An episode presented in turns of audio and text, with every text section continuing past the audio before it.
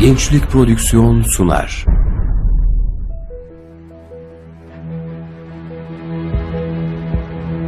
Bizim davamız İslam'dır. Gayemiz Allah'ın rızasını kazanmaktır. Hedefimiz hak nizamını hakim kılmaktır. Arzumuz tüm insanlığın saadetidir. Yolumuz ikna metodudur, cihattır. Bu dava için çalışmak herkese nasip olmaz. İster gecenizi gündüzünüze katarak çalışın, ister yan gelip yatın. Bu hak davanın başarısını ne bir gün öne alabilirsiniz ne de bir gün geciktirebilirsiniz. Bütün mesele bu şerefli davada nasıl bir imtihan vereceğinizdir.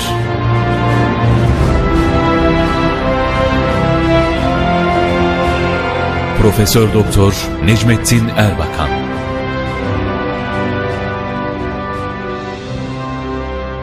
Davam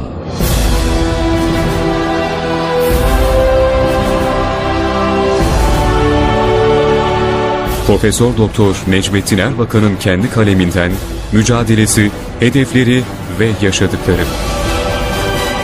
Seslendiren Arif Bildirici. Kayıt montaj Ali Güngör.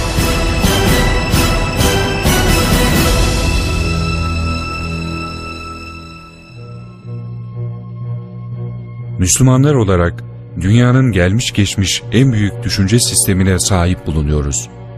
Fakat bu büyük düşünce sisteminin karşısında daima batıl fikirler ola gelmiştir. Bu batıl fikirler bir Müslüman diyarı içerisinde bizleri, kendi dinimizi, kendi Müslümanlık hakikatlerimizi öğrenemeyecek hale getirmiştir. Zaman zaman batı ilimlerini yarım yamalak okumuş insanlarla görüştüğümüzde bunların kibir dolu yaklaşımlarıyla karşılaşıyoruz. Yarım yamalak tahsil yapıp gelmiş ama o yarım yamalak bilgisiyle Müslümanlığı küçük görmeye kalkıyor. Çok bilmiş bir edayla, efendim dünyada ilim var, fen var diyorlar. Efendim bakınız Eloğlu çalışıyor. Amerikalı, Avrupalı ne büyük işler meydana getiriyor. Ay'a ve yıldızlara gidiyor diyorlar. Şimdi dünyanın muhtelif yerlerini gezerken dışarıdan baktığımızda aman ne büyük binalar, ne büyük köprüler yapmışlar. Bu jetlerle, bu roketlerle nasıl uçuyorlar? Bu laboratuvar çalışmalarındaki karma karışık aletler, bu elektronik sistemler üzerinde nasıl çalışıyorlar diye hayretle bunları seyrederiz. Amerika'da Ay'a giden herhangi bir füzenin hareketini kontrol eden bir gözetleme merkezinde çalışan insanın yanına yaklaşsak ve bu adamın bilgi muhtevası nedir diye incelemeye başlasak neyi görürüz? Öncelikle bizler öyle bir tarzda yetiştirilmişiz ki bu laboratuvarlarda çalışan insanlara ister istemez büyük bir hayret ve hayranlık hissiyle bakıyoruz. Onları kendimizden büyük görüyoruz. Oysa bu laboratuvarlarda çalışan profesörlerden birinin yanına yaklaşıp, ''Beyefendi siz burada ne yapıyorsunuz?'' desek, ''Ben burada şu füzenin Ay'a gidişini kontrol ediyorum.'' diyecektir. ''Nasıl kontrol ediyorsun?'' diye sorsak, ''İşte şu aleti kontrol ediyorum.'' diyecektir. Alet nasıl yapılmış desek, adam bize bir takım formüller yazar. Bu formüllerin baş taraflarına bir takım harfler, rumuzlar koyar. İçimizden, vay be bu adam bizim bilmediğimiz ve hiçbir zamanda bilemeyeceğimiz konulardan bahsediyor deriz. Halbuki bu adam bize hangi formülden bahsederse bahsetsin, formülün şekli önemli değildir. Aslında formül diye yazdığı şeyler, bir takım fikir silsilelerini sembollerle göstermekten başka bir şey de değildir. Mesela bu adamın füzenin Ay'a gidişine ilişkin yaptığı hesapla, bir pencereden aşağı atılan bir taşın ne kadar zaman sonra yere düşeceğini hesaplamak arasında bir fark yoktur. Biz bu profesöre, bu hesaplar nereden çıkmış desek, efendim bir takım prensipler var. Bu prensipleri biz tecrübelerle tespit ettik. Bu prensiplere inanıyoruz. Bu prensiplere istinaden hesaplar yapıyoruz diyecektir. Peki nedir bu prensipler desek? Bu sefer de işte etki tepkiye eşittir. Madem vardan yok olmaz, yoktan var olmaz diye bir takım ezberlenmiş şeyler söyleyecektir. Peki senin bu madde dediğin nedir? Enerji ve kuvvet dediğin nedir dediğimiz zaman bize karşı o büyük pozları takınan insanlar bunların ne olduklarını izah edemezler. Burada takılıp kalırlar. Çünkü onlar asıl ilim nedir onu bilmezler. Bu basit tatbikatı ilim zannederler. Halbuki ilim aslında onların gelip tıkandıkları yerden sonra başlar. Madde nedir bilmeden gelip de ne yapıyorsun bizim karşımızda? Enerji nedir, kuvvet nedir bilmeden gelip de ne yapıyorsun burada? Madde dediğin şey var mı yok mu? Daha bunu ortaya yere koyamıyorsun. Biriniz diyor ki evet madde vardır, öbürünüz hayır madde yoktur. Bu bir dalgadır, bu bir enerjidir, şudur budur diyor.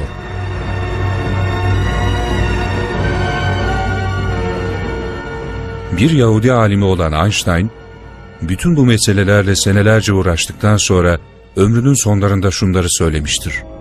Ben ömrümde uzun müddet hakikaten bu maddeyle, enerjiyle, kuvvetle uğraşıp bir sürü hesaplar yaptım ama bütün ömrüm boyunca bunların ne olduğunu anlayamadım. Hatta size bir şey söyleyeyim, acaba biz hesaplar yaparken madde, enerji, kuvvet gibi mefhumları kullanacağımıza, bunların yerine başka kavramları kullanmış olsaydık, acaba daha mı kolay hesap yapardık? Bunu da bilemiyorum.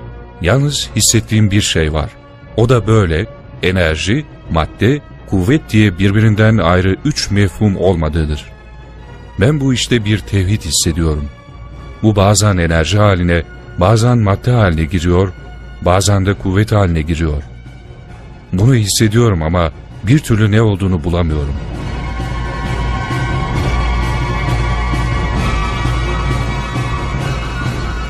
Maddenin ne olduğunu anlamak için bir masayı ele alalım. İlk önce masanın üst düzeyindeki bir takım pürüzler görürüz. Sonra bu pürüzlerin içerisine girdiğimiz zaman eğer bu bir ahşap masaysa bu tahtanın hücrelerini görürüz. Bu hücrelerin içine girdiğimiz zaman maddelerin bir takım moleküllerden yapıldığını görürüz. Bu moleküllerin içerisine bir elektron mikroskobuyla bakacak olursak bu sefer de en küçük parça denilen atomu görürüz. Atom nedir deyip atomun içerisine girdiğimiz zaman görüyoruz ki atom bizim güneş ve etrafında dönen yıldızlara benzeyen bir yapıya sahip. Merkezinde tıpkı güneş gibi bir merkezi kısım vardır. Buna çekirdek deniyor. Bunun etrafında dünyanın ve diğer yıldızların dönüşü gibi bir takım elektronlar dönüyor. Tıpkı dünya ve diğer yıldızlar güneşin etrafında nasıl dönüyorlarsa, şu masanın içerisindeki her bir atomda da bu dönmeler var. Peki bu atom dediğimiz şey nasıl bir şeydir? Elektron mikroskobuyla gelip bunun içerisine girdiğimiz zaman, güneşle dünya arasındaki çok büyük uzaklık gibi, atomdaki protonlarla elektronlar arasında da çok büyük bir boşluğun olduğunu görüyoruz. Bunun manası şudur. Madde diye her tarafını dolu olarak gördüğümüz cismin içerisine girdiğimiz zaman gerçekte müthiş bir boşlukla karşılaşıyoruz. Biz dolu zannediyoruz, halbuki bunun aslı dolu değil. Ya neymiş? Boşluk. Ama ne boşluğu? Efendim işte madde dediğimiz şeyin içerisinde bir elektron, bir nötron, bir de proton var. Çekirdekle elektron arasında Dünya ile Güneş'in arasındaki boşluğun on misli daha büyük bir boşluk var. Oysa biz bunu dolu zannediyorduk. Evet dışarıdan baktığımız zaman dolu zannediyoruz. Çünkü içerisini göremiyoruz. Görme kabiliyetimiz yetmiyor. Şimdi bu Amerikan laboratuvarlarında bize o hesaplarla fiyaka yapan adamı getirip de mikroskopla bu boşluğun içerisine soktuğumuzda ''Beyefendi sen demin hesaplarında maddeden bahsettin. O halde nerede bu madde?'' dediğimiz zaman cevap veremiyor. Bu boşluğun içerisinde kayboluyor. Çünkü bunun içerisindeki elektron ve proton dediği şeyin kendisi de aslında bir ağırlık değil. Örneğin altın en ağır bir maddedir. Dünyada bulunan bütün altınlar bir ucu Lizbon'dan öbür ucu Sibirya'ya kadar uzanan yani Avrupa'yı boydan boya kat eden bir Katar'ı doldurur. Ama atom içindeki mesafeyi sıkabilme imkanımız olsaydı, dünyadaki bütün altınlar bu yüzüğün içine sığardı.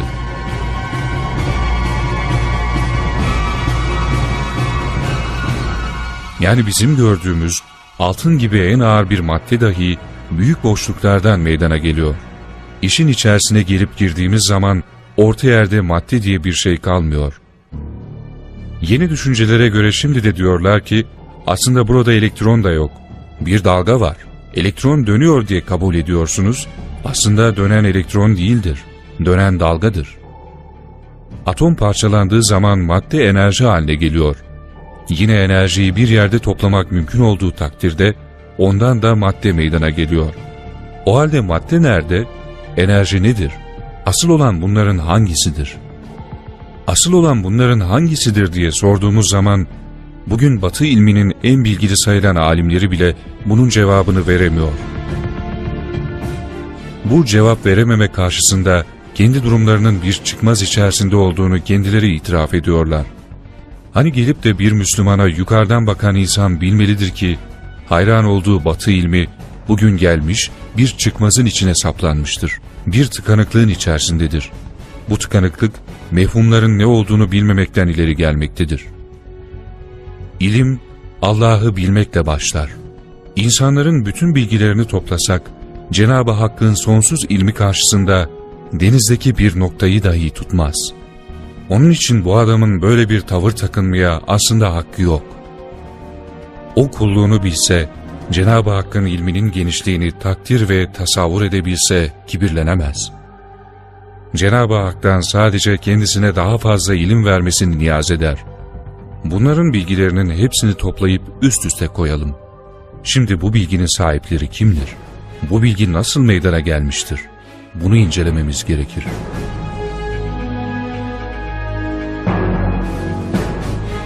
İnsanlığın bugün sahip olduğu bilgilerin hepsinin insanlık tarihinde birbiri üzerine eklene eklene geldiğini biliyoruz. Bugün elimizdeki yazılı vesikalar 5000 sene öncesine ait bir yazı olmadığı için acaba daha önce insanlar neler biliyorlardı bu hususta bir bilgimiz yok. Onun için şimdi bugünkü durumdan geriye doğru gidelim ve insanlığın 5000 senelik tarihinde acaba ilim nasıl gelişmiş bunu incelemeye bakalım. İlk insanı başlangıç kabul edelim. Şimdiye kadar geçen binlerce senede insanlığın bilgisi acaba nasıl gelişmiş? Cenab-ı Hak insanlara akıl vermiş, başka nimetler vermiş. Bu nimetler sayesinde muhtelif şeyleri takdir etmeye başlamış. İnsanlık tarihinde bilgi bakımından mühim husus ateşin öğrenilmesidir. Belki insanlar yanardağların lavlarını gördüler, belki tahtaları, taşları birbirine sürterek ateşi yaktılar. Bunun nasıl olduğunu bilmiyoruz ama insanlık yavaş yavaş ateşi öğrendi. Bundan sonra insanlar muhtelif tarihlerde muhtelif şeyler öğrendiler.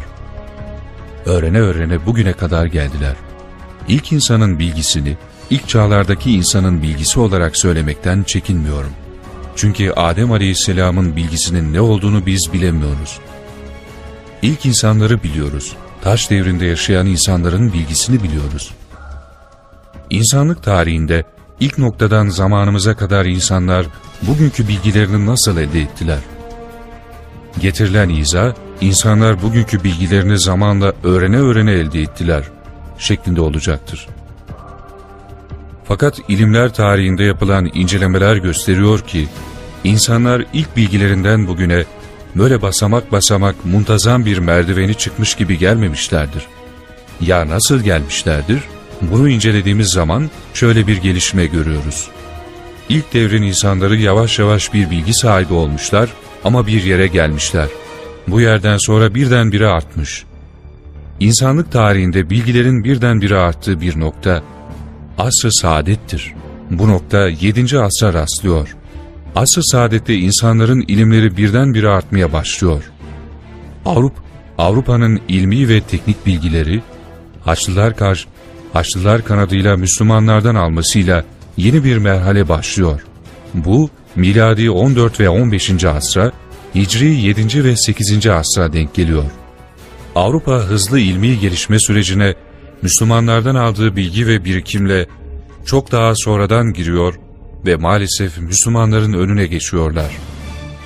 İnsanlık tarihinde asr-ı saadetten Rönesans'a kadar geçen 7 asırlık bir devir var ki bu devirde insanlığın ilimlerini Müslümanlar inkişaf ettiriyor. Araştırmalar gösteriyor ki, bugünkü insan bilgisinin en aşağı %60-70'ini Müslümanlar inkişaf ettirmişlerdir. Acaba hakikaten böyle midir? Yani hakikaten Müslümanlık devrinde ilim bu derece yükselmiş midir? Bunun incelemesine geçmeden önce şu iki noktaya ait üçer hususiyeti söylemek istiyorum. Bakınız asr-ı saadette Müslümanların ilme yaptığı hizmet nasıl olmuştur? Rönesans'ta Avrupalıların Müslümanlardan ilme alışı nasıl olmuştur? Batı kültür ve terbiyesi almış bir takım kibirli, taklitçi sözde aydınlar, İslam düşmanı müşriklerin kendilerine öğrettikleri bir takım yanlış fikirlerle doludurlar. Bunlar müşriklerin şu sözlerini tekrar ederler. Müslümanların aslında sizin büyüttüğünüz kadar ilme hizmeti olmamıştır. Onlar eski Yunan'da, eski Hindistan'da, eski Mısır'da bulunan ilimleri almışlar, öğrenmişler, insanlığın doğal seyrinde bunları bir miktar inkişaf ettirmişler ve ondan sonra bu ilmin sahibi olan Avrupalılara getirip tekrar teslim etmişlerdir derler. Bu külliyen yanlıştır. Müslümanlar hakikaten eski Mısırlıların, eski Yunanlıların ve eski Hintlilerin ilimlerini inceleyip almışlardır. Fakat bu alışta üç önemli özellik vardır. Birincisi, bu ilmi bu bilgiyi kimin kitabından aldıklarını açıklamışlardır.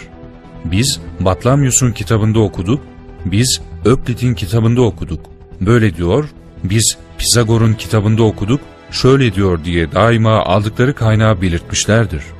İkincisi, İslam alimleri eskilere ait bu kitapları okuyarak, bilgileri alırken bunları ezbere almamışlardır. Bunları hemen kabul de etmemişlerdir.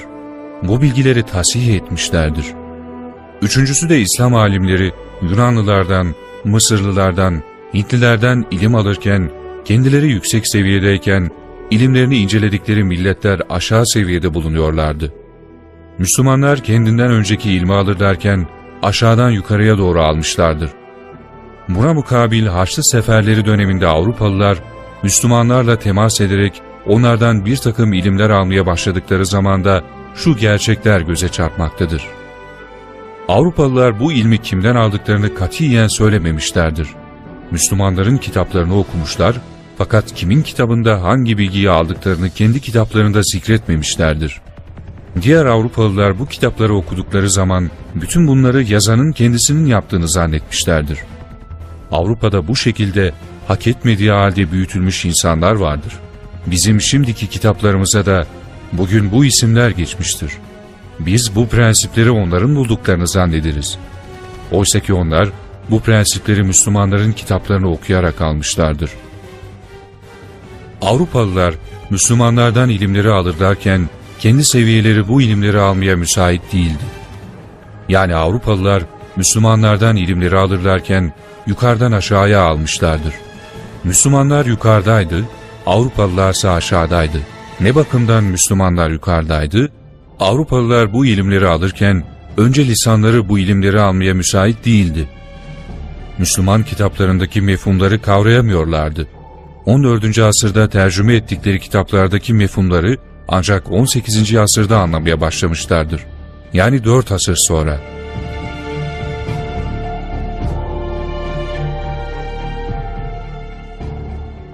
Davam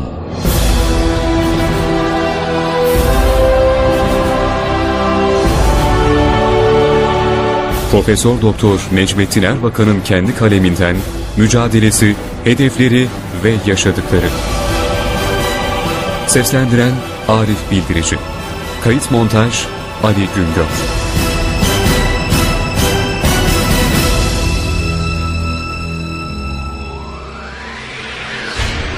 Gençlik Prodüksiyon sundu.